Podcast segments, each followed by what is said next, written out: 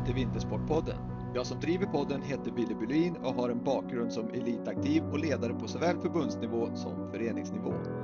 Idag jobbar jag som ledare inom näringslivet där jag inte dagligen jobbar med idrott och då ger mötet mig med poddens gäster en stor energikick. Att få möjligheten att prata med poddens gäster om deras karriärer och livet i sin allmänhet är jag mycket tacksam för. Njut av detta avsnitt och jag tror och hoppas att du kommer få med dig både energi, inspiration och kunskap. Vill ni veta mer om vad som är på gång inom podden? Följ Vintersportpodden på Instagram. Detta avsnitt är i samarbete med Brooks, eller The Running Company, som grundades 1914 och är helt fokuserade på löpning. Med sin slogan Run Happy har Brooks som mål att inspirera alla att springa sin egen väg till ett bättre liv. Och Bilmetro, din bästa bilaffär. Bilmetro är din kompletta bilfirma i Mellansverige som alltid sätter kundens behov i centrum. Oavsett om det gäller begagnat, nybilsköp, service och reparationsarbeten eller kompletterande tillbehör till bilen så finns allt på samma plats. Välkommen in till Bilmetro!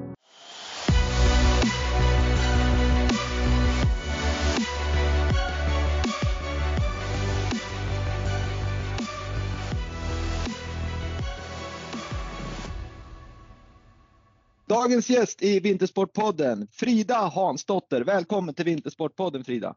Ja, tack så jättemycket! Otroligt kul att ha dig här och ehm, man har ju följt dig många år inom eh, den alpina sporten och kan konstatera att det är med glädje som, som du gästar podden. Det ska bli mycket roligt att prata med dig om din karriär, om vad du gör nu och hur din uppväxt har sett ut. Ja, roligt att höra. Jajamän. Men jag, som vanligt så börjar jag podden med att eh, kortfattat säga vem du är och vilka resultat du har och så sen ge oss in så får du prata mer än vad jag gör framåt. Men Frida Hansdotter, hon är född i Västerås på BB där men bodde i Norberg och uppväxt i Norberg, bor numera i Fagersta med sin familj, barn och sin man Rickard. Som 16-åring flyttade hon på skidgymnasiet till Malung och 2002-2003 gjorde hon sin första Europacuptävling och 2004 debuterade hon i världskuppen i österrikiska Sölden. 2009 i tyska Oftersvang tog hon sin första pallplats och 2014 kom första segern i slovenska Kranjska Gora. Hon har även en egen backe uppkallad efter sig, Fridabacken som tidigare hette Klackberget tror jag. Och eh, totalt sett tog Frida 36 pallplatser varav fyra segrar, en totalseger i slalomcupen 2016. Hon kom tvåa i slalomcupen 2013-2014 och 2014-2015 och så sen kom hon trea 2017-2018. Sex stycken VM hon har hunnit med, fem stycken medaljer varav tre stycken individuella, tre stycken OS och guld 2018 i koreanska eh, Yongpyong. Nej, nej, inte Yongpyong. Vad hette det? Yong, Pyeongchang, ja. Eh, tvåa i Mästarnas mästare med ett fantastiskt rekord i jägarvila. 26 minuter, det är helt sjukt. Eh, sen har många andra fina utmärkelser, bland annat nominerat till Jerringpriset och nomineringar på Idrottsgalan. Och jag läste någon artikel där du borde ha haft både bragdguld och Jerringpris 2018, men det var ju ett framgångsrikt OS-år för Sverige i stort, så att det var hård konkurrens. Men otroligt fin karriär Frida och en härlig människa. Vad säger man om det här? Eh, ja, det är väl häftigt när du rabblar upp det där. Det är ju det är ju ingenting man, liksom när man var mitt i karriären, då blickar man så mycket framåt. Så nu när man har slutat och man hör eller ser liksom den här listan på resultat man har gjort så är det ju väldigt häftigt att man har lyckats med sina drömmar. Mm. Hur, hur, jag har frågat de andra som har varit med på podden som också har varit framgångsrik i sin idrott. Eh, hann du någon gång reflektera över framgångarna som du hade under karriären eller gick det ett bara och sen kom du på när du la av 2019 vad du egentligen hade gjort? Eh, jag tror ändå att jag varit ganska duktig på att klappa mig själv på axeln liksom, så när jag lyckas med mina mål. Men sen så har man ju alltid haft långsiktiga mål som också har legat med. Liksom. Så även om man vann slalomcupen så hade man ju som OS längre fram. Så. Men jag tror att det är väldigt viktigt att man också är lite här och nu och verkligen inser vad man, eh, ja, men liksom både vad man behöver göra och för att, eh, för att ta de där eh, topplaceringarna. Men så när man tar dem att man också hinner njuta lite. Även om det är svårt. Man är så himla i det och vill mera. Eh, mm. Men det är klart att efter karriären har man ju njutit desto mer. Mm, precis. Men eh, om vi pratar lite snabbt efter karriären innan vi ger oss in på din bakgrund så, så har du ju även hunnit med att få en fantastisk son. Hur, hur, hur är livet? Jag, jag, förstår att det är fantastiskt, men hur är livet som mamma så här efter, eh, efter karriären? Ja, men det är helt fantastiskt. Eh, det var väl, eh, det var ju egentligen skulle jag säga efter karriären så där så eh, var det lite ja men vad ska man göra och så och så gjorde jag Mästarnas Mästare, jag fick vara med och, och segla över Atlanten så jag hoppade på lite så olika äventyr. och sen så kom ju den här covid-situationen och eh, Eh, man fick vara mycket på hemmaplan. Jag som är van att resa, först reste jag 200 dagar med skidåkningen och även om jag slutade så var jag ju mycket ute i farten och jobbade med mina samarbetspartners och så. Så att eh, det var ju en situation i sig att bara komma, eh, komma hem och sitta mycket hemma. Så att för mig att lilla Colin kom till världen, det var liksom det bästa som kunde ha hänt. Då var det han och jag på hemmaplan. Eh, så att eh, jag njuter verkligen fullt ut av att vara mamma och eh, det känns, Eh, känns sådär fantastiskt som folk har berättat om att bli förälder. Då har man ju tänkt sig ja, ja, ja. Men sen nu när man verkligen blir förälder själv, det är ju en fantastiskt underbar känsla. Mm. Egentligen så, jag kan tänka mig du som far och flyger en del och har mycket liksom samarbetspartners som du fortfarande jobbar med efter karriären så, så, så kan det ju lätt bli när man, när man får barn och man är, om man får säga egenföretagare som, som man får säga att du är då, så, så kan det ju vara lite hattigt. Men nu har det verkligen blivit att du kan vara hemma med Colin det, och det måste ju kännas ändå skönt att du har tagit liksom den tiden istället för att liksom hatta omkring så mycket. Ja men verkligen och det bestämde jag mig tidigt för att eh, när jag visste liksom att Colin skulle komma så eh, sa jag det att jag liksom det är Colin i första hand och sen utöver, nu har det faktiskt gått, eh, eh, han är så otroligt, eh, jag vågar knappt säga det, men han är otroligt snäll och bara han får vara med så är han supernöjd. Så att eh, jag har faktiskt kunnat jobba lite också på sidan och det är också kul för mig att få, få lite stimulans och fortsätta jobba med mina fantastiska samarbetspartners. Så eh, han är med och alla är supernöjda. Det är nästan så att eh, folk tycker nog att det är roligare att Colin är med än att jag är med. ja, det, det är bra, bra eh, liksom en du får pitcha in det så. Jag tar med mig Colin så löser sig allt. Exakt.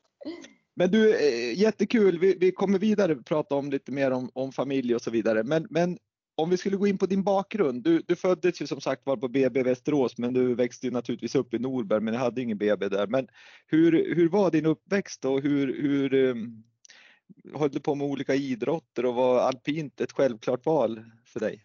Eh, ja, nej men jag, precis, jag är ju uppväxt i Norberg då och eh, jag har en äldre syster som är ett och ett halvt år äldre än mig och vi testade väl på de flesta sporter som Norberg hade att erbjuda och det är mycket tack vare mamma och pappa som körde runt oss på alla träningar och eh, så. Så det var liksom eh, både slalom och längd och fotboll och ridning och dans och testade på att försöka ha innebandy på vintern också men det var lite svårt att få ihop det med alla träningsdagar. Men eh, sen så föll väl mitt, eh, jag höll på med längd och slalom och så fotboll på sommaren. Eh, fotboll var väl mest att jag tyckte att det var kul att eh, vara i ett lag och ha det liksom som bra träning på sommaren. Eh, och sen så alpint så har ju min pappa en bakgrund så att eh, även om jag, jag aldrig känt mig liksom någon Eh, pushad av honom att välja alpint. Men däremot så var jag väldigt duktig i både slalom och längd och tyckte att det var väldigt kul med båda. Men sen när det kom till de här träningsdagarna och dagarna i veckan inte riktigt räckte till så fick jag lov att göra mitt val och då tyckte jag att det var roligare att swisha ner för backen än att klättra mig uppåt. Så att mitt val var nog ganska liksom enkelt och eh, sen är det klart att det är ju, har ju varit en jättefördel att ha pappa som eh, har liksom gjort resan själv och sen så hade jag ju syrran som tävlade och vi var väl i Klackbergsbacken som nu är Fridabacken då, men vi mm. var ju mm. där uppe sju dagar i veckan typ. Och eh, det var inte bara bland liksom röda och blå käppar utan det var ju, det var bara så kul liksom alla kompisar och eh, alla familjer som var där uppe. Mm. Men uh, du nämnde pappa Hasse där uh, som han heter, din far. Han, han, var, han var ju också gammal landslagsåkare och jag vet att han har även varit tränare eh, åt landslaget han också. Hur, hur, hur har han varit, liksom, naturligtvis har han varit en viktig spelare i, i din uppväxt, men har han även varit involverad liksom under din senare karriär när du så att säga var mer stjärna i landslag och så vidare? Ja, men precis. Han var ju min, han har ju varit tränare hela vägen egentligen till att jag började på skidgymnasium i Malung.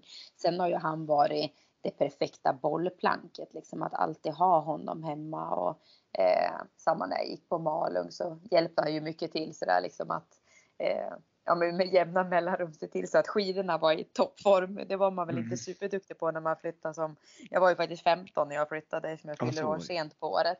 Mm. Men mm. så um, det är klart att det har ju varit en jättefördel att ha honom med. Men han, jag skulle säga att fram till jag gick på skidgymnasiet så var han ju min tränare. Sen så har han ju varit liksom förälder på sidan. Eh, men i mina ögon sett så ju, har ju han varit min liksom, nummer ett när det kommer till att diskutera teknik och eh, liksom material och så. Och många gånger har jag ju jag har ju nästan ringt honom efter varje träning när jag varit liksom på läger och så. Och vi har diskuterat och samma om jag kanske inte riktigt förstår vad mina landslagstränare menar så har jag liksom kunnat dividera det med honom och han har kunnat satt eh, andra ord på det de kanske har menat och då har min eh, polett trillat ner att ja, det är så de menar. Och det har ju varit fantastiskt att eh, ha, ha honom att verkligen kunna bolla allt det här med teknik och ja, fantastiskt. Ja, det måste det ju verkligen vara att, att ändå liksom den man kanske litar mest på i, i sitt liv och, och dessutom som man förstår förhoppningsvis så, så det måste ju vara en väldig styrka. Att, men acceptera tränarna den, den, den relationen för ibland kan det bli en viss irritation att, att någon annan är med och lägger sig i. Nej, men jag skulle säga att han aldrig har lagt sig i, utan det menar jag har frågat om tips och råd och så. Och det är ju, jag är ju värdesatt det jättehögt. Sen har han liksom aldrig lagt sig i eh, tränarnas eh, liksom roll eller liksom vad de tycker och tänker utan mer kanske att han och jag diskuterar. Jag har ju alltid varit, eh, jag har ju alltid gått, skulle jag säga, lite min egen väg och liksom eh, diskuterat mycket teknik också med tränarna så att liksom, det är inte bara att jag köper någonting utan eh, varför ska jag göra det här? Vad är det som blir bättre i min teknik? Liksom, så man verkligen förstår eh, förstå vad det, om jag gör det här, vad händer med min teknik? Varför åker jag snabbare? Och att man liksom analyserar det lite innan man bara, ja ah, okej, okay, men det gör jag. Utan mm. att mm. jag verkligen velat eh, förstå innan jag har eh, ändrat min teknik. Liksom. Ja. Så att eh, eh, jag skulle säga att han har varit det perfekta bollplanket på sidan men aldrig liksom lagt sig i landslagsträningen. Liksom. Jag förstår. Jag förstår. Eh, men, men eh, sen har du ju haft en väldigt liksom, om, du, du nämnde det med att prata te, både teknik och, och material, men du har ju haft en trogen serviceman i form av Loise heter han, han från Rossignol har du ja. jobbat länge med. Och, ja. och, jag vet att du har haft en bra relation med honom, men var det också någonting som liksom både du Loise och din pappa liksom diskutera saker liksom, eller, eller gick det alltid via dig eller, eller hade de också någon form av relation? Nej, pappa har helt och hållet bara varit liksom på hemmaplan min stöttepelare i alltid funnits där för mig om jag har velat. Men sen så har det liksom varit min, alltså är jag på landslagsläger då är det liksom mina landslagstränare och det är min service Loise. Och sen som du säger, jag menar Loise han har ju betytt otroligt mycket för min karriär. Eh, med tanke på att man, blir, man jobbar ju så tajt med sin serviceman. Och eh, också då eftersom att jag har ju haft en ganska lång karriär och han har ju varit vid min sida hela tiden. Så vi känner ju varandra utan och innan och har väl egentligen inte behövt säga så mycket till varandra på slutet utan vi har vetat, vi har vetat vad vi behöver göra och vad, liksom det målet vi har haft. Mm. Nej, för det är ju normalt sett ser man ju att, att det byts servicemän några gånger under karriären, både på grund av att att eh, firman, alltså skidfirman man åker för kanske vill att, att man ska byta ut eller att någon slutar eller att man själv vill byta. Men, men det måste ju vara som sagt vara en styrka för jag, jag vet ju att servicemannen är ofta den man åker mycket bil med, man pratar väldigt mycket, man, man har alltid med på start och så vidare. Så att det måste ju ha varit en enorm trygghet liksom att, att ha haft honom där både i vått och torrt och att du kände honom så väldigt, väldigt väl. Jo men verkligen. Så är det ju. Det är ju han har ju varit guld värt och eh, det har ju Alltså det jobbet man gör, lägger ner, alltså både, nu är det ju som du säger, jag menar vissa har ju mm, byter ju servicemän och så samma med tränare, liksom de kommer ju och går lite. Men det är otroligt viktigt att när man jobbar ihop att man kan känna den här tilliten och eh, att man vet vad man har varandra och det är ju ändå en jättefördel när man har jobbat i så många år ihop att mm. man vet precis vad som, som gäller. Precis, eh, men när vi är inne då på, du valde ju där alpint och gilla att dundra neråt. Du valde ju framförallt alpint för att åka upp för och även för liksom en lagsport. Men är det någonting speciellt att du valde individuellt före lagsport? Är du liksom verkligen en sån här tävlingsmänniska som vill ta ansvar för din egen prestation? Det vet jag faktiskt inte riktigt, men det var nog också med som fotbollen tyckte jag var väldigt kul. Men där hade vi en otroligt duktig tjej i laget som jag liksom insåg att sådär bra, det kommer inte jag att bli. Men det var jävligt kul att vara i samma lag. Eh, och sen så hade jag väl en fallenhet för alpint. Eh, och kände väl ganska snabbt att jag ville satsa på det. Eh, ja. Sen om varför det blev en individuell, liksom om det är att jag är en sån person, det kan jag inte svara på. Men jag är ju väldigt glad att jag valde slalom. Ja, det förstår jag. Men om, om vi ändå är inne på det, då, vad, vad, skulle du själv med dina egna ord säga gör dig så unik och varför blev du just så framgång till skillnad mot för kanske många andra som, som också hållit på med alpint men som har slutat eller som bara har nått liksom, på nationell nivå. Men, men du nådde hela vägen fram. Vad, vad, vad mm. anser du var det viktigaste i din egenskap? Ja, men först vill jag säga skidglädjen. Det är liksom A och O. Att, eh, jag älskade liksom när jag var liten att få åka skidor med familjen. Vi hade det som familjeaktivitet liksom och syrran åkte också skidor och vi hoppade över liksom fredagsdiskorna för att få åka upp till backar som var tredubbelt så långa och bo i husvagnen liksom. Eh, mm. det är ju sådana här härliga skidminnen som jag tänker när jag tänker tillbaka på långt tillbaka så. Eh, sen eh, skulle jag väl eh, eh, liksom säga att alltså varför, alltså när man tog sig in på skidgymnasiet då visste man ju såhär jäklar, jag är ändå en av de bästa i min årskull. Och då kände jag väl liksom jag har alltid varit envis och tävlingsmänniska och liksom när jag spelar kort och sådär när jag var liten så eh, fuskade jag ju nästan för att jag skulle liksom vinna och så. Så att det är klart att jag menar jag har det ju i mig. Eh, mm. men jag skulle ändå säga att den viktigaste liksom, punkten det är ju liksom att man har tyckt att det har varit så jäkla kul och att man får det här drivet om att se hur långt jag kan nå. Eh, det har ju varit så fantastiskt roligt med skidåkningen. Ja, det, är ju, det är ju som du säger med skidåkning som jag har sagt till många andra också att det är en härlig sport så att man det är ju verkligen familjen måste nästan vara engagerad för att man åker tillsammans. Man åker bil och man åker upp till fjällen och man bor i en stuga eller i husvagn och så vidare. Så att, plus att, att det krävs ju mycket av en individuell idrottare i form av eget ansvar. Så att, Eh, gillar man det och, och se sin egen prestation samtidigt som man kanske saknar när man har vunnit eh, OS-guld så kanske någon annan i lag har blivit fyra som sitter och surar någonstans. Så det, är, det är säkert, hur, hur var det liksom? Jo, men det är väl som du säger, det är väl det man kanske någon gång har tänkt på när man liksom står och eh, man själv kanske står överst på pallen och önskar att man bara skulle kunna omfamna hela laget. Bara vi allihopa stod överst. Och mm. sen har man ju stått andra gånger när det har varit lagkamrater som står överst på pallen och man själv bara önskar att man vore där och har liksom eh, gjort misstag på vägen eller har en sämre dag.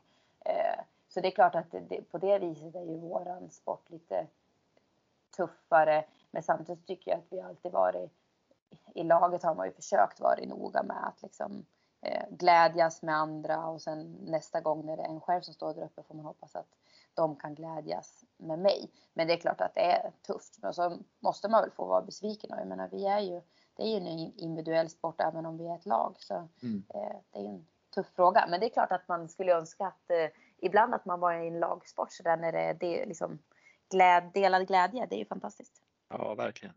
Ja, så är det. Så är det.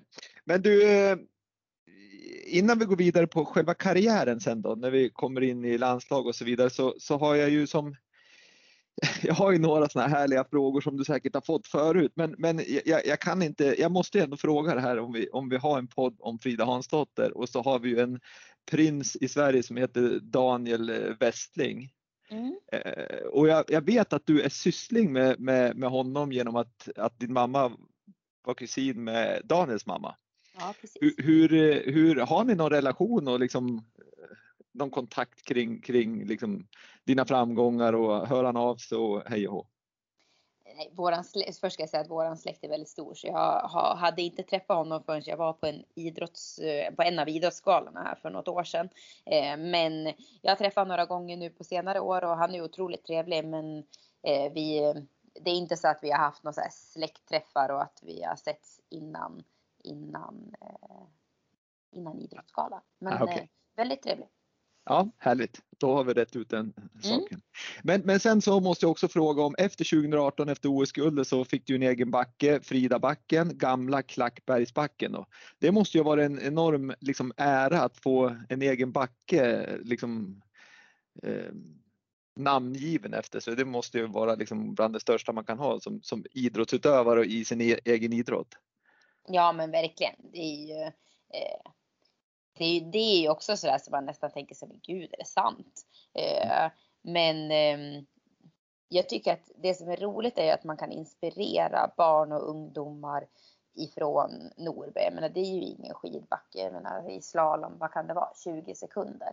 Eh, så jag menar, mest troligt skulle man väl inte ha blivit skidstjärna ifrån lilla Klackbergsbacken. Men att det går och då är det lite kul att man kan få inspirera och att eh, backen heter efter mig. Det är en otrolig ära så. Eh, så att eh, kul, kul att de ville döpa backen efter mig. Det...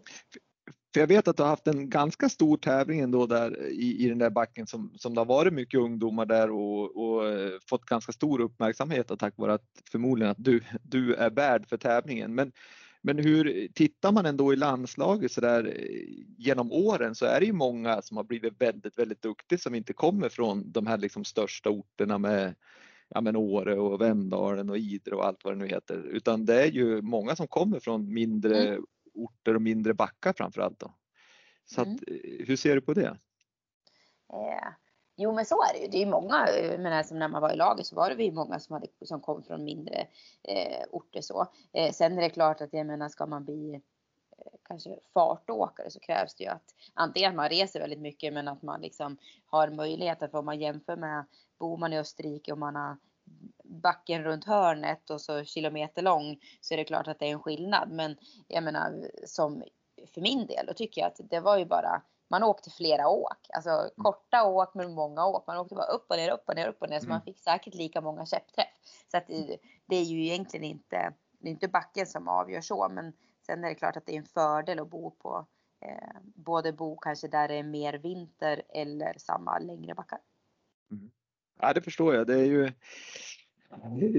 men det är intressant faktiskt när man tittar på det och, och liksom går igenom alla som, som har lyckats väldigt, väldigt bra så, så är det liksom lite speciellt ändå att de inte kommer från ja, men Åre och sådär.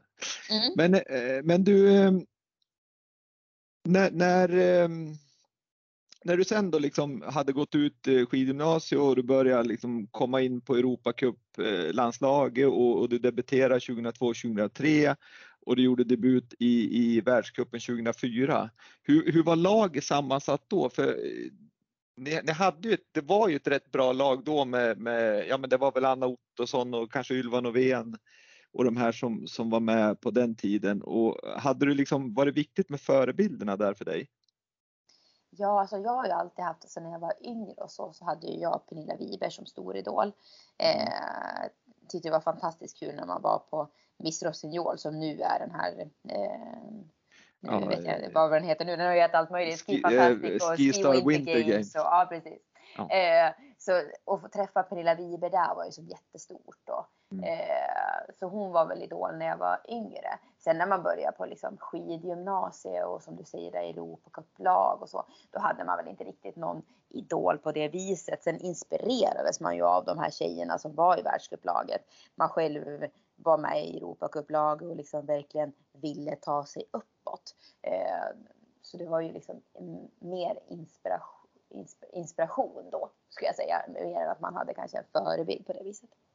För det hade ju, tittar man när du åkte så, så var det ju väldigt, väldigt många duktiga åkare och väldigt bra resultat där ett tag. Mm. Och nu så har du ju, om du tittar på herrsidan så är det ju väldigt svacka där på, på eh, resultaten. Det är ju väldigt få killar som åker världscup och de som åker kommer ju inte jättehögt. Det är ju Kristoffer Jakobsen som, som briljerar ibland. Men på tjejsidan är det ju mer okej, okay, men det är fortfarande vad ska jag säga, mindre. Är det, ser du någon liksom connection där med att, att det är färre duktiga som drar varann framåt eller är det bara en tillfällighet som, som kommer repareras snart? Det är ju jättesvårt att säga. Men det är klart att jag menar, det går väl lite så här i cykler också tror jag. Och jag menar de gör ju fortfarande res, alltså, de gör ju resultat och eh, det finns ju där. Jag menar, man ser ju potentialen och sen att liksom ta sig hela vägen och nå hela vägen eh, upp. Jag tror ju som på tjejsidan så har vi ju otroligt många duktiga också, speciellt yngre. Jag menar, de visar ju på junior-VM att de är riktigt snabb. Så det finns ju där. Sen att ta det här lilla sista steget att verkligen leverera eh, i topp hela tiden. Eh, då krävs det ju det där lilla extra. Och det mm. finns säkert många som besitter det och jag tror, jag tror att eh, vi, alltså jag tror inte att det är så här att eh, ja men nu blir det tufft att eh, ha tjejer och killar i toppen. Det kommer komma. Det är bara att det är, eh, har varit en liten svacka just nu. Men det finns där och många av dem har potential. Det gäller bara att få ihop de här, alla de här tårtbitarna. Man kan vara jäkligt snabb i tio svängar men det är, man måste få ihop helheten för att eh, lyckas gång på gång och verkligen vara i toppen. Men är man med i ett världscuplag då har man verkligen potentialen. Ja, för det är ju speciell idrott så måste jag säga. Alpint det är ju, det är ju otroligt eh, små marginaler så att, så att det är ju lite, lite som behöver hända så, så är man inte liksom i toppen utan då är man 10 eller 15 eller 20 om det, om det minsta, minsta lilla risken. Så att det är som du säger, många de tårtbitarna måste liksom lira för att, för att det mm. ska gå ihop. Då. Men, men eh, om man tittar på, på din karriär så har du liksom sex VM, tre OS, du har tre individuella medaljer på VM och sen har du ju guldet liksom i, i Korea där 2018 som, som är helt fantastiskt. Eh, du har också eh, liksom vunnit totala slalomcupen men, men är det någon gång du funderar på liksom att ja, det är grymma resultat men fasiken om inte Schifrin hade varit med, då jäklar hade det varit väldigt många liksom, segrar och kanske ännu fler medaljer. Är det några tankar som går i ditt huvud ibland?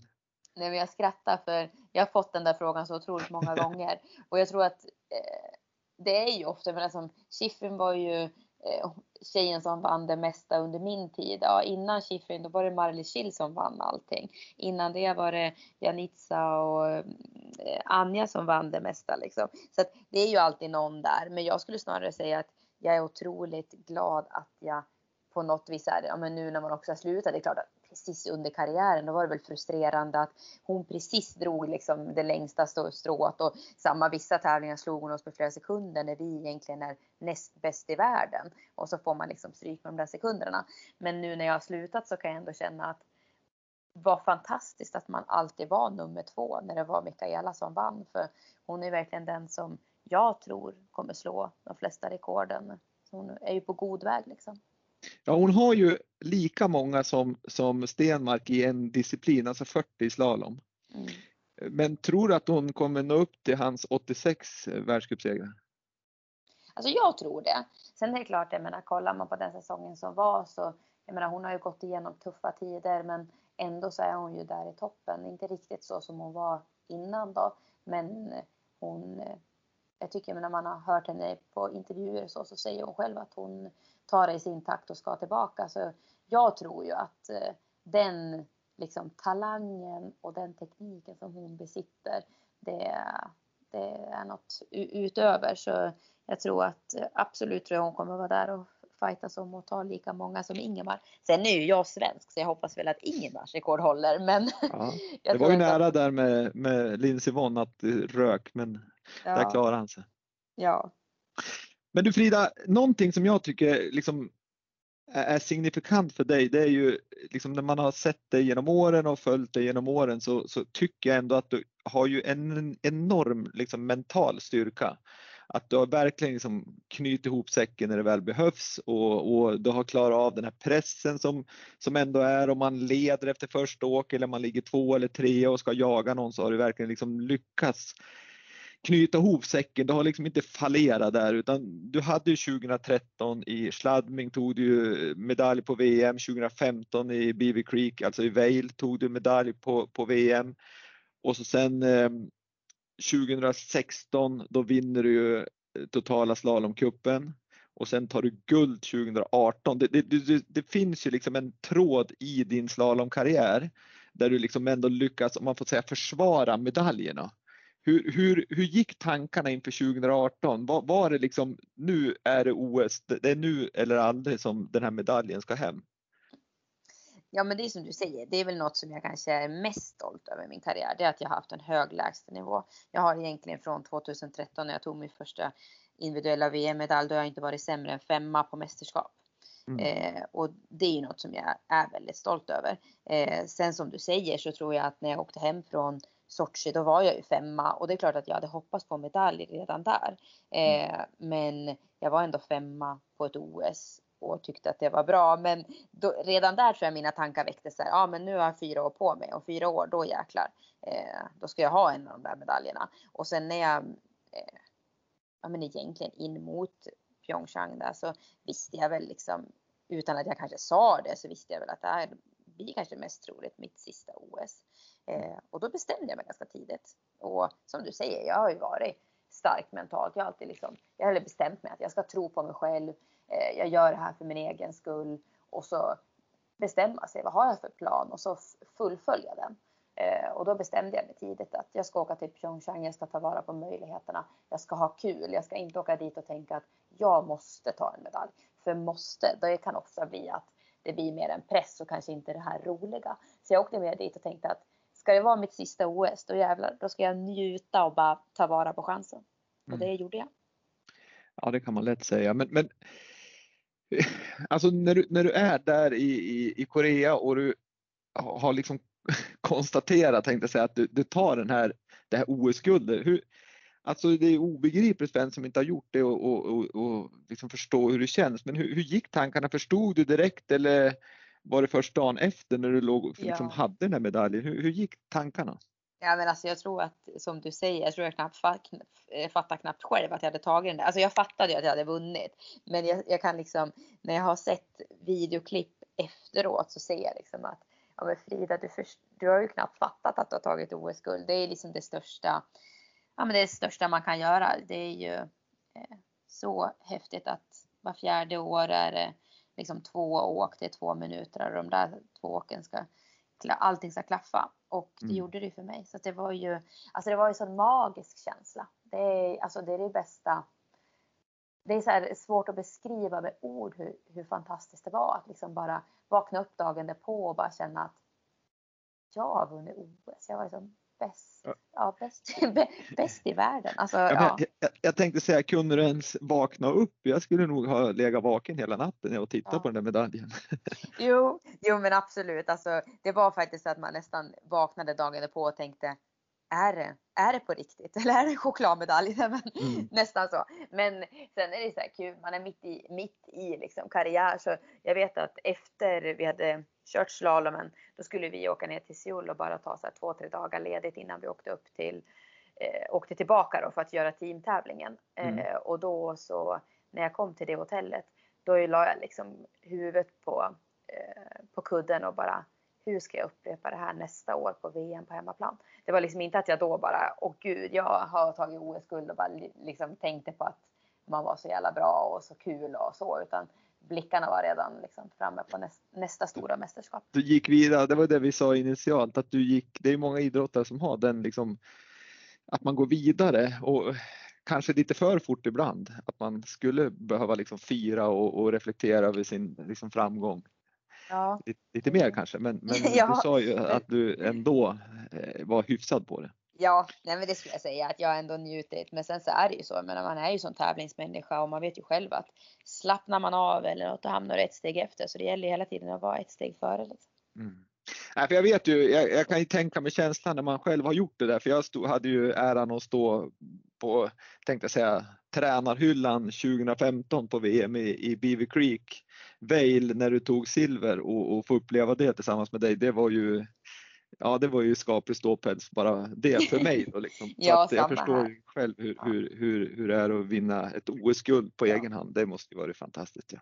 Det är det jag också har älskat. Jag älskar det här mästerskap, alltså stora tävlingar och känna att det liksom, man glider in i en mäst, liksom ett mästerskap på orten och bara känner att det är nu det gäller. Alltså nu är det den här tävlingen vi har liksom laddat för.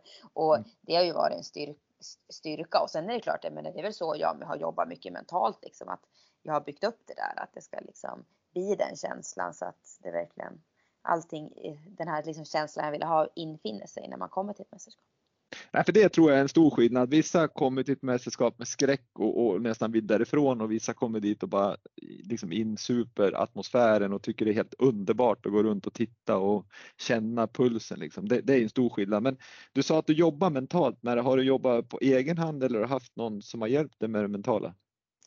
Jag har faktiskt aldrig haft någon. Jag tog faktiskt hjälp en gång av eh, en mental coach men kände ganska snabbt att nej, det här är ingenting för mig utan jag har liksom haft de bästa mentala coacherna för mig och det är min mamma och min pappa som har mm. känt mig utan och innan och pappa som jag har pratat teknik och skidåkning med och så mamma som man har pratat mycket annat, eh, mycket liksom runt omkring om. Och, så att jag känner att eh, de två och sen samma så här på slutet sista åren, då hade jag ju också Rickard, min sambo, som mm. var ett fantastiskt stöd. Så jag har inte haft någon mental coach så, men jag har känt att jag ändå haft eh, de bästa stöttepelarna här hemifrån.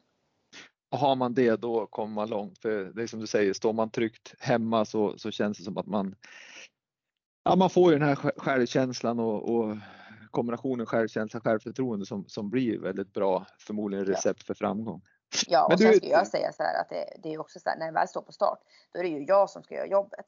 Det är ju mm. jag som ska göra det. Så att jag menar, då måste man ju redan där och då veta och stå, stå liksom stark i sig själv. Eh, då spelar det ingen roll vad någon annan har sagt utan man måste ju som i sitt huvud ha bestämt sig hur det ska gå den dagen. Verkligen.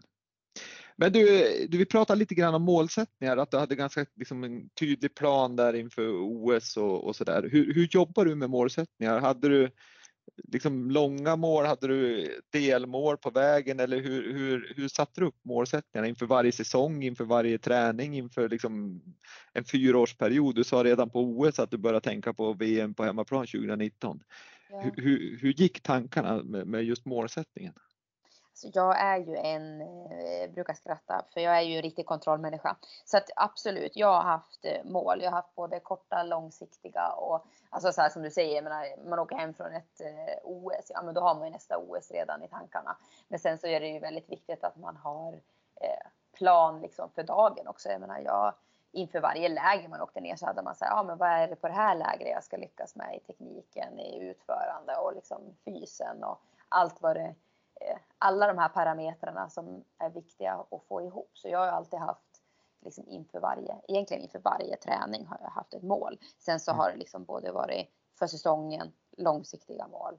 Eh, så att liksom en mix av. Det låter klokt. Mm.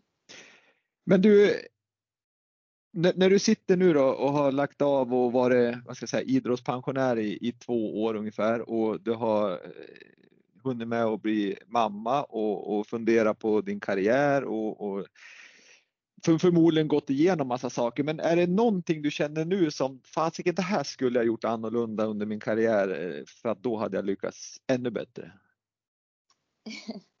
Ja, alltså skulle man säga så, då är det klart det finns någonting. Men jag kan ändå så blicka tillbaka på min karriär och vara så otroligt glad och stolt över att först att man har följt sina drömmar, att man har haft eh, mamma och pappa som liksom har supportat en och eh, kört en. Spelar ingen roll om det var Borlänge eller Gällivare på tävlingar när man var yngre. De bara satte sig i bilen och det är man liksom evigt tacksam för och har förstått nu vilken, vilken uppoffring. Sen så jag menar att man har haft ett starkt förbund bakom sig att Eh, Eh, så att man liksom verkligen kunnat träna på den nivån vi har gjort för att nå de här absoluta toppresultaten.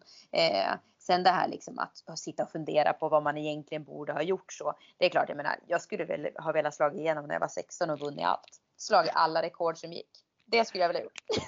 men nu blev det inte så. Nej, och sen tror jag, sen är det väl så här att man gör ju ofta det bästa utav det som finns då. För jag menar, allting utvecklas så sitter du nu och tänker tillbaka så kanske du skulle ha kunnat gjort annorlunda med dagens teknik. Men det fanns ju inte 2014 eller 2003 eller vad det nu är.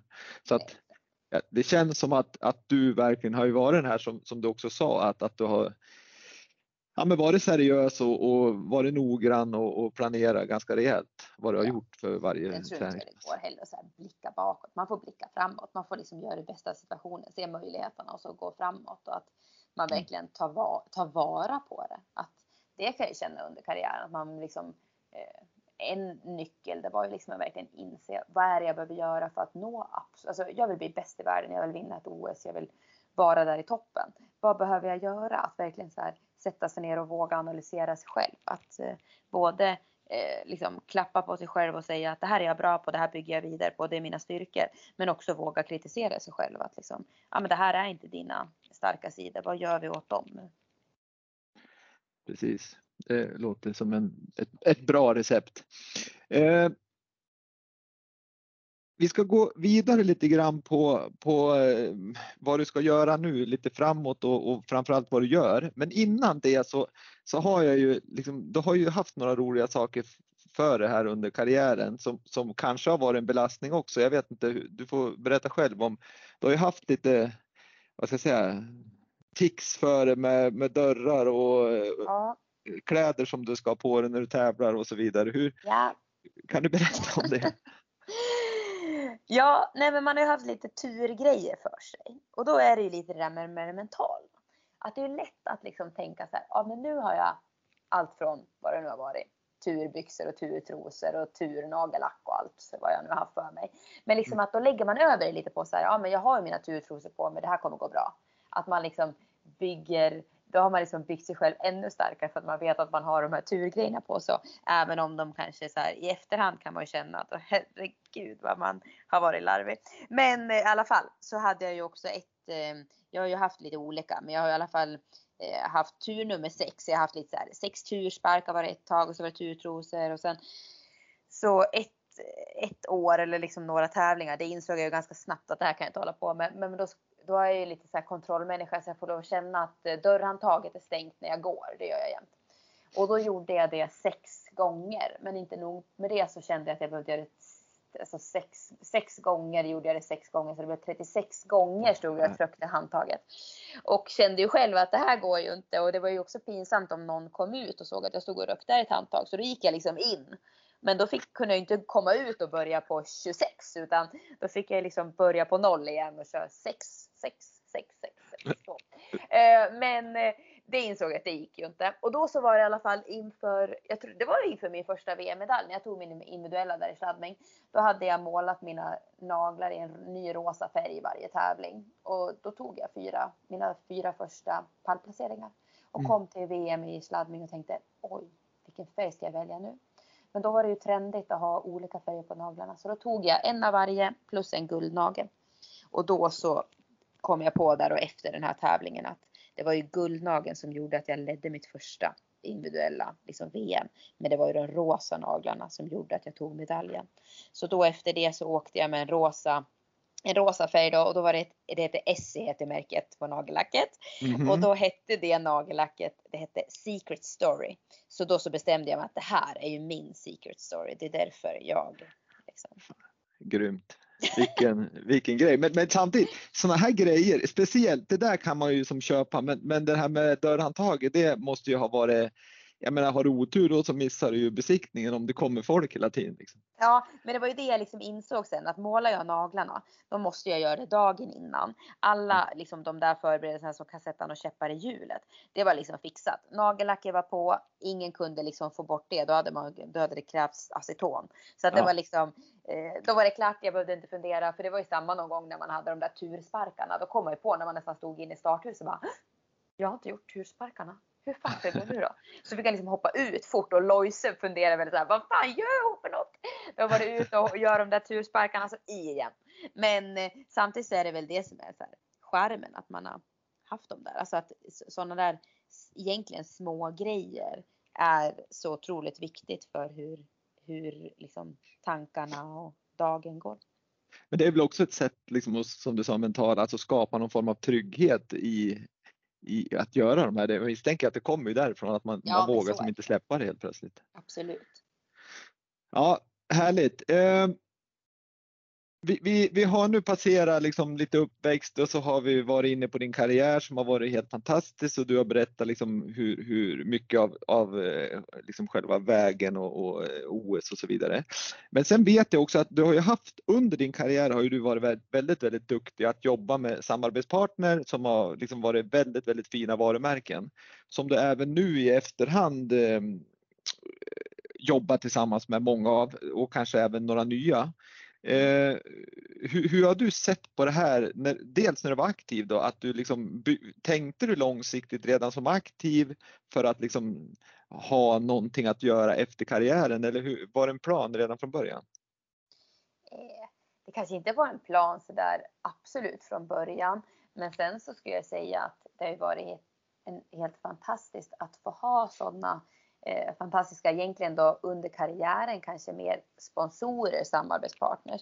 Men liksom att bygga upp det starka bandet med dem under karriären och sen när man slutade då var det ju lite mer så här, vad ska jag göra nu och så. Eh, och då var det så otroligt kul att de här som har betytt så otroligt mycket under min karriär, att kunna fortsätta jobba med dem och ge tillbaka ännu mer till dem. Och som för mig då också när man slutar med skidåkningen, som man har levt i den här skidbubblan Eh, Eh, och bara ätit, sovit, skidåkning, att få liksom, möjligheten att vara med an, de här olika branscherna och eh, ha fler dagar än bara de där eh, enstaka få under en karriär eller, liksom, eller under en säsong som man har. Jag menar man reser 200 dagar och sen ska man ju även få till träningen när man är på hemmaplan så det blir ju inte så många dagar över. Så det har varit jätte, jättekul att eh, de vill fortsätta jobba med mig och det tycker jag också är ett fint bevis på att man har liksom, lyckas med, dem, med mer än bara de här resultaten under karriären.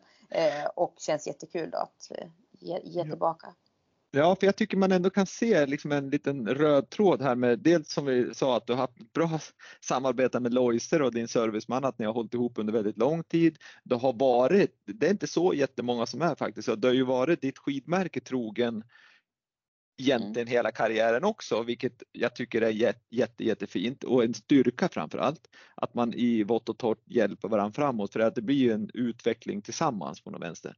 Och nu ser man ju här med även då andra samarbetspartners som, som du också jobbar lite långsiktigt med. Det, det, det tycker jag är liksom väldigt stort och härligt. Men det är ju tre saker som, som jag tycker i alla fall sticker ut nu som jag tycker är väldigt kul. Det ena är att du håller på med ett projekt i, i Himmelsfjäll, alltså en ny kan man säga, skid, nyaste skidanläggningen av, av de skidläggningar vi har i Sverige kanske. Liksom, mm. som, som ja, det är ju fantastiskt. Det är ju ja. för, första skidanläggningen på 30 år som satsar nytt i Sverige. Ja, det är ju otroligt kul. Där är du mm. involverad. Ja. Och där håller du också på att göra ett, liksom ett stugbygge själv tillsammans med Brahus som, som, som är liksom också en, en stor satsning där i Himmelsfjäll. Mm. Nej men absolut och det är ju också, det har ju varit en dröm att få ha det här liksom skidglädjen som jag upplevde med familjen när man åkte till husvagnen liksom. Att nu få ha en vinterstuga, det är ju dröm, dröm för mig. Ja men det, det, måste ju vara helt fantastiskt. Och sen till råga på allt, någonting som jag tycker är väldigt, väldigt kul att man, att man får göra framför allt, men, men att man gör, det är ju den här din egna kollektion tillsammans med Kungsängen. Mm det är ju också en, måste vara en spännande, hur mycket har du varit med, liksom, har du gjort det eller har du bara lånat ut liksom, namn eller har du varit med och drivit det? Nej, det är otroligt viktigt för mig att allt sånt som jag går in i, det gör jag genuint. Så att det har mm. faktiskt varit jättekul. Det har varit i, i ett och ett halvt år har vi hållit på med den kollektionen och jag har liksom varit med från dag ett och börjat skicka lite sådär inspirationsbilder och eh, tagit hjälp av deras. Och det är det som har varit så fantastiskt kul med det här, liksom att eh, fortsätta jobba med samarbetspartnerna efteråt. Att man liksom får vara med och se hur andra, hur branscherna fungerar. Och mm. det har varit eh, jättekul. Ja, jag förstår det. För det började redan under karriären vet jag med, med där du gjorde ett projekt på huset där du bor i, i Fagersta eh, där du tillsammans med Vattenfall satte upp mm. solceller. Är det någonting som är viktigt också just det här med, med hållbarheten och, och liksom tänka i de banorna nu när ni dels bygger nytt men även på huset där ni har, om man säger hemma? Jo, men det är klart att eh, man försöker tänka miljö som hållbart och att man liksom värnar om våran miljö. Eh, det tycker jag att vi alla ska göra och sen är det väl på eh, alltså, olika nivåer så man får lägga sig på den nivån man tycker passar en själv. Eh, men jag tycker att det är otroligt viktigt att man tänker på miljön. Ja, vi lever ju i en sån värld också, eller tänkte jag, i den sport vi lever så bör vi ju hålla miljön ganska högt för, för, att kunna fortsätta med, med det Ja men så är det ju, för jag menar, det är ju som mig själv, jag, menar, jag har haft en lång karriär och man har ju sett på glaciärer hur mycket som försvinner så att det är klart att jag hoppas att mina barn och barnbarnsbarn ska få uppleva samma fantastiska glaciärer som jag. Mm, verkligen. Men du Frida, vi, vi eh, vi, vi, står ju inför en, en, stor förändring för oss vinterälskare. Vi har levt väldigt, väldigt många år tillsammans med SVT och, och Vintersport, eller Vinterstudion. Eh, där, där, vi liksom varje helg i princip har haft tvn igång och det har liksom gått i bakgrunden och man har kunnat liksom från åtta på morgonen till sex på kvällen har, har Vinterstudion varit igång. Men nu, nu går ju rättigheterna för, för alpint, eh, skicross och, och eh, längdvärldscupen, inte långloppscupen, men längdvärldscupen, vanlig traditionell eh, längdåkning, går ju över till Nent Group där du kommer vara en av experterna. Mm. Hur, hur ser du på liksom den rollen? Vad, vad, vad, vad, tycker du att vi, eller vad kommer du liksom förändra eller vad kommer du göra annorlunda för att göra det mer intressant för, för oss tittare? Ja men alltså det är som du säger, jag, menar, jag har ju också suttit och när man har varit hemma på helger, det är knappt man tar sig utanför dörren för det är så fantastiskt kul med, med vintersport och vinterstudion som har varit tycker jag. De har gjort ett fantastiskt jobb. Eh, och sen nu då så är det ju jättekul för mig att få vara med på den här nysatsningen med Nent Group och det känns jätte, jätteroligt att få vara med på någonting som blir helt nytt och de gör ju en jättesatsning. Eh, och det känns fantastiskt bra och du frågar om vad jag ska tillföra. Och det tänker jag att jag har en lång karriär som jag har eh, upplevt mycket och sen så hoppas jag väl på att jag ska kunna förmedla till svenska folket den skidglädje och passionen jag har för skidåkning och kunna ja, men berätta lite djupgående, liksom lite mer djupare kanske vad, eh, vad är det som försiggår på en tävlingsdag och liksom sådana här små detaljer som man kanske inte tänker på. Och, eh, Sen så kommer det säkert dyka upp. Jag tycker själv att det är kul att grotta ner mig i saker så att eh, det kommer bli eh, en utmaning för mig också. Kul mm. utmaning att fortfarande liksom eh, få vara kvar i branschen men på ett annat vis. Jag analyserar mig själv och haft mina mål men nu ska man få grotta in sig i atleternas mål och höra om deras drömmar och det ska bli jättekul. Ja, men det, jag, jag, jag, följer också med spänning för jag hade ju Johanna Ojala och Peter Gide som ska vara programledare för, för Nent Groups vintersatsning här framöver. Mm. Och, och, det var intressant att höra deras tankar och lite grann, det är väl de framförallt tillsammans med ett gäng andra som ska förändra. Men, men samtidigt som expert så, så är det ju liksom på något vis känns det som att du bör ju förbereda dig på det här liksom, vad ska man lyfta fram. Jag tror också som du säger att det är intressant att höra de här små grejerna och detaljerna. Varför gör de si och varför gör de så? Men även det pedagogiska måste du ändå fundera på. Hur ska jag liksom förmedla det här till svenska folket? För att de ska förstå på något vis, även om man inte är eh, inbiten slalomåkare. Ja men så är det ju. Och det är väl det som kommer vara utmaningen för mig. Att jag kan grotta in mig och prata om de där eh, små detaljerna i teknik och allt vad det är. Men hur gör jag det för att en person som kanske bara har sett på alpint och kanske inte ens har stått på ett par skidor men de är intresserade av att kolla på tävlingen. Hur förklarar man det så att det blir intressant för även, även de som inte är helt nördiga i skidåkning som, som jag är. Mm. Nej, det är, det är en utmaning. Liksom det är otroligt svårt att förklara sånt där men, men det, de som lyckas då blir det ju väldigt, väldigt bra och det, det tror jag gör sporten mer intressant för gemene man också och det tror jag det behöver sporten, eller alla sporter behöver en intressant sändning. Så det ska bli kul att följa dig där jag önskar all lycka såklart. Mm, tack så mycket. Men du, vad gör, vad gör Frida Hansdotter i övrigt? Vad har du för intressen just nu, liksom, förutom att vara med Colin och, och dina projekt som är ganska många i och för sig. Men, men håller du på att träna fortfarande någonting? Jag ser att du spelar paddel bland annat. Ja precis, jag ska faktiskt eh, här efter vårat eh, lilla snack ska jag åka iväg och spela en paddelmatch. Jag är med i sommarstegen här hemma så jag har en riktig paddelmatch. Det är viktigt också. Jag och syrran spelar. Eh, men annars så, alltså jag trivs, jag trivs jättebra i livet. Jag, eh, ja men med Colin och min sambo Rickard och trivs ju på hemmaplan och sen som du säger, jag har mycket roliga projekt med mina samarbetspartners och lite andra grejer också så att eh, jag, jag ser liksom livet eh, positivt. Alltså det är ju, mm. eh, finns så fantastiskt mycket möjligheter och det gäller bara att se dem och ta vara på dem och eh, vara lite här och nu. Så framtiden är ljus för, för Frida Hansdotter, det kan man säga? Ja, det tycker jag. Ja. Ja, det är härligt. Men, men det, att du tränar, det, det ser vi ju och, och, det förstår jag. Har man en gång tränat så håller man igång och du kör paddel och nu ska du iväg och, och köra en paddelmatch här. Men, mm. och så sen, det, vi har ju sett också att du lyckas ju väldigt bra i Mästarnas Mästare. Du, du blev tvåa där. Du var med i segling över Atlanten och mådde väldigt dåligt vad vi kunde se. Du låg mest och kräktes första dygnet i alla fall. Eh, sen, sen, sen undrar jag liksom att har du någon tanke att hålla igång? För jag menar, det kommer ju vara en tidsfråga innan du får frågan att vara med i Let's Dance eller något sånt där. Är det någonting som du vill göra, känner att du har tid med eller tar det för mycket tid sånt? Nej, men ja, det, det beror helt och hållet på förutsättningar och vad man får för, får för frågor, liksom, om man vara med på för olika grejer. Men jag gillar ju liksom att eh, se, eller så här, testa vad jag går för och eh, som du säger, menar med över Atlanten. Jag har seglat en gång tidigare. Det var på en Gotland runt, eh, ett Gotland runt event med Audi och då mådde jag också skitdåligt. Och det var jättemånga som sa, varför ska du vara med på över Atlanten? Du kommer bara må dåligt. Jo, men bara så här själva vilket äventyr! Segla över Atlanten, liksom, hur många får chansen? Så att eh, det beror på vad jag får för, för inbjudan på äventyr.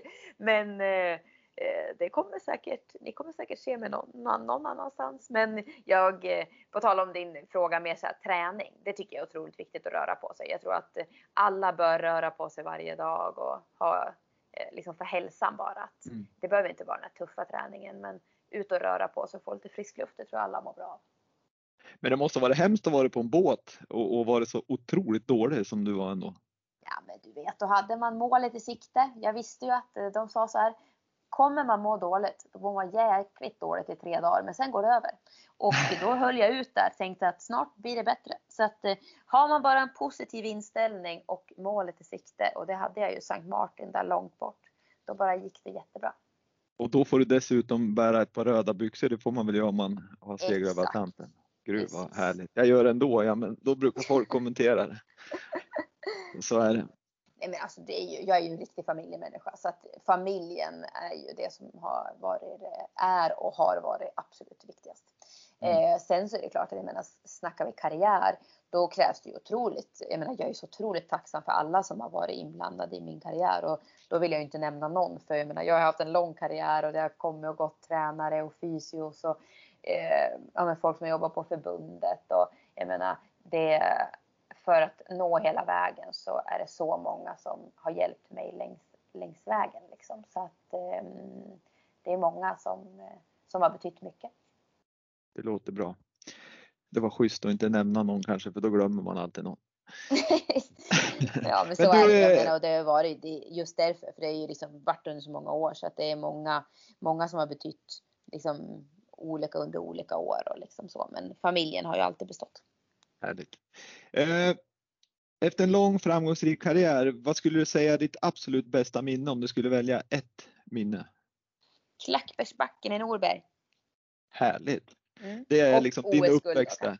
Ja. ja. Nej men det är, det är liksom där det startade. Sån otrolig glädje till skidåkning där. Det var så roligt att hänga där sju dagar i veckan och bara åka och ha, ha roligt med kompisarna. Och sen är det klart att, jag menar, att det resulterar i att vinna en slalomcup och få lyfta den här globen. Det är ju magiskt. Och sen få liksom pricken över i med ett OS-guld innan man ska avsluta. Det är ju, det är ju som att eh, alla drömmar har gått i uppfyllelse. Är, är det någonting som inte tynger men som du ändå känner fasiken jag skulle vilja haft Jerringpriset eller bragdmedaljen eh, eller någonting sånt där eller, eller liksom känner du att det är ingenting som bryr dig om? Nej, alltså jag grämer mig inte över någonting sånt. Det är som jag sa, men man får grämer, framåt och man liksom möjligheterna och eh, jag har fått eh, uppleva så otroligt mycket med skidåkning och den karriären. Eh, sen är det klart, jag menar på samma vis som jag sa liksom att man skulle vilja vunnit alla tävlingar från man var 16 så är det klart att det hade varit jättekul att få vinna ett pris på en idrottsgala eller ett pris. Men det är så otroligt många duktiga eh, idrottare i Sverige och härliga personligheter. Så att eh, det är en hård kon konkurrens om de där få, få fina priserna. Ja, det, det är det absolut. Men, men eh, härligt att höra alla dina berättelser Frida och det är en fantastisk karriär som sagt var som vi har gått igenom och vill man se vad, vad, Frida håller på med idag så är det naturligtvis Instagram kan man följa dig på, på Frida Hansdotter. Där kan man ju se ditt härliga liv i vattnet och dina härliga frukostar som jag vet är viktigt för dig att, att äta frukost. Det är en ja. skön stund vet jag att du tycker. Absolut. Um, men egentligen så, så har jag fått prata med dig alldeles perfekt och bra precis en timme och jag tycker det har varit grymt trevligt att få höra om din historia och hela liksom karriären men framförallt vad du ska hålla på med nu också och alla dina projekt vilket jag tycker är otroligt roligt att följa då på, på bland annat på, på Instagram så det är ju jätteroligt verkligen. Ja tack så jättemycket och kul att få vara med. Ja, men innan vi slutar, då ska jag ställa en fråga som jag ställer till alla deltagare i Vintersportpodden och den är ganska enkel. Ja. Kan du säga en framgångsfaktor för att lyckas med en idrott? Ja, och då har du ett snabbt svar och säkert många som redan då har lyssnat på det här pratet som förstår att jag säger glädje. Glädje till sin sport. Otroligt bra svar. Jättebra Frida. Och med det sagt så eh, ska vi avrunda Vintersportpodden och jag ska bara säga tack ska du ha Frida. Ett stort lycka till med alla dina kommande projekt och ta hand om familjen och Colin så att han får en riktigt skön uppväxt både i Fagersta och i din nya stuga uppe i Idre. Ja, tack så jättemycket. Sköt om det och ha det bra. Hej. Hej hej.